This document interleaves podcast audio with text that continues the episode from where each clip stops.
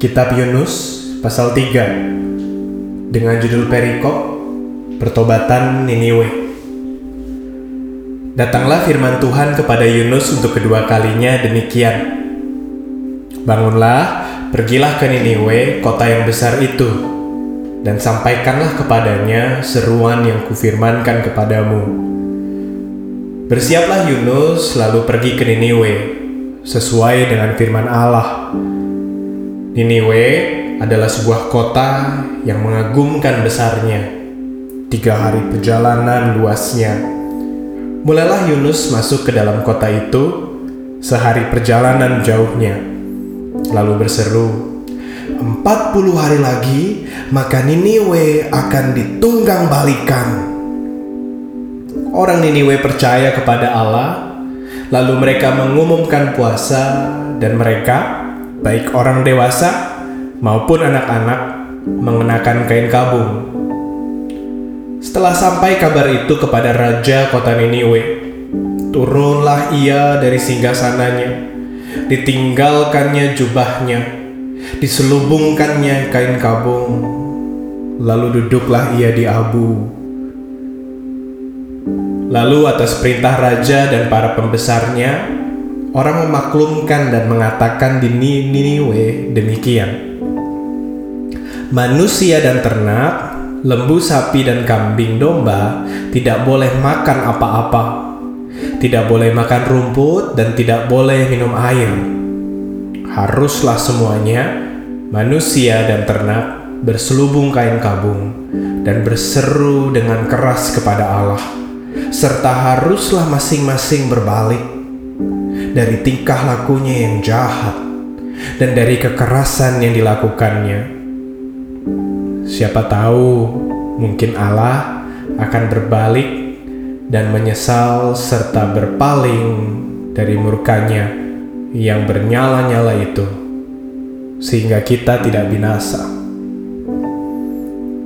Ketika Allah melihat perbuatan mereka itu, yakni bagaimana mereka berbalik dari tingkah lakunya yang jahat, maka menyesallah Allah karena malapetaka yang telah dirancangkannya terhadap mereka, dan ia pun tidak jadi melakukannya. Amin. Yunus pasal 3 sekali lagi menjadi bukti bahwa kasih Allah yang tidak dapat dihentikan justru menghentikan hukuman Allah kepada bangsa Niniwe. Dan ternyata sekali lagi His love prevails. Karena Tuhan mengasihi umatnya, baik mereka yang sudah diselamatkan maupun mereka yang belum mendengar namanya. Dan Yunus menjadi cara Allah untuk menyampaikan kepada bangsa Niniwe. Meskipun dalam Niniwe luasnya tiga hari perjalanan, dan Yunus hanya melakukan satu hari perjalanan. Di saat inilah jadi sebuah pembuktian bahwa Roh Kudus bekerja kepada kita apabila kita mau ada dalam panggilan Allah. Apabila kita berkata, "Ya Tuhan, panggil aku, pakai aku." Dan satu hari perjalanan dalam Yunus menubuatkan nubuatnya kepada bangsa Niniwe Roh Kudus menjadikan satu kerajaan bertobat dan terjadi kasih karunia Allah yang tidak dapat dihentikan. Allah menyesali perbuatannya untuk menghukum Niniwe. Jadi pengingat untuk kita bahwa di mana pun kita berada, yang penting saat kita mengingat bahwa kita harus membuka hati kita kepada Tuhan. Apa pun bentuk hukuman ataupun bentuk Allah menjauh dari hidup kita, justru sebenarnya Tuhan telah ada dalam hidup kita dan memberikan kita kehangatannya. Dan sekali lagi, kita adalah anak-anak Allah. Perlu kita lakukan adalah membuka hati kita.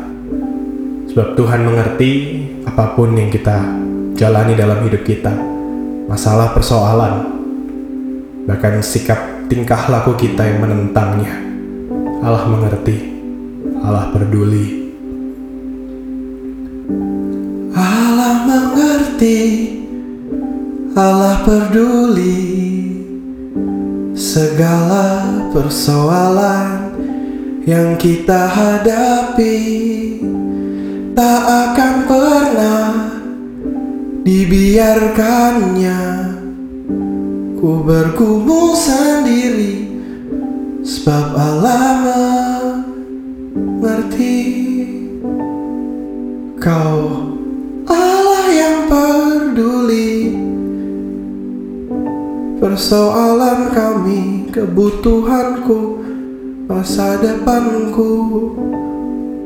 Kau Allah yang mengerti. Terima kasih Tuhan, karena hari ini kami kembali diingatkan bahwa Engkau mengerti dan peduli kepada kami sebab kasih karuniamu Tuhan tak dapat dihentikan bagi kami yang adalah anak-anakmu. Dan oleh karena itu Tuhan, sekali lagi kami mau katakan bahwa kami membuka hati kami agar Tuhan memakai kami, menjadikan kami alatmu dan menjadikan kami berkat bagi banyak orang, agar nama Tuhan semakin dipermuliakan, dan kami menikmati kasih-Mu. Terima kasih Tuhan. Dalam namamu Yesus kami berdoa. Amin. Tuhan berkati.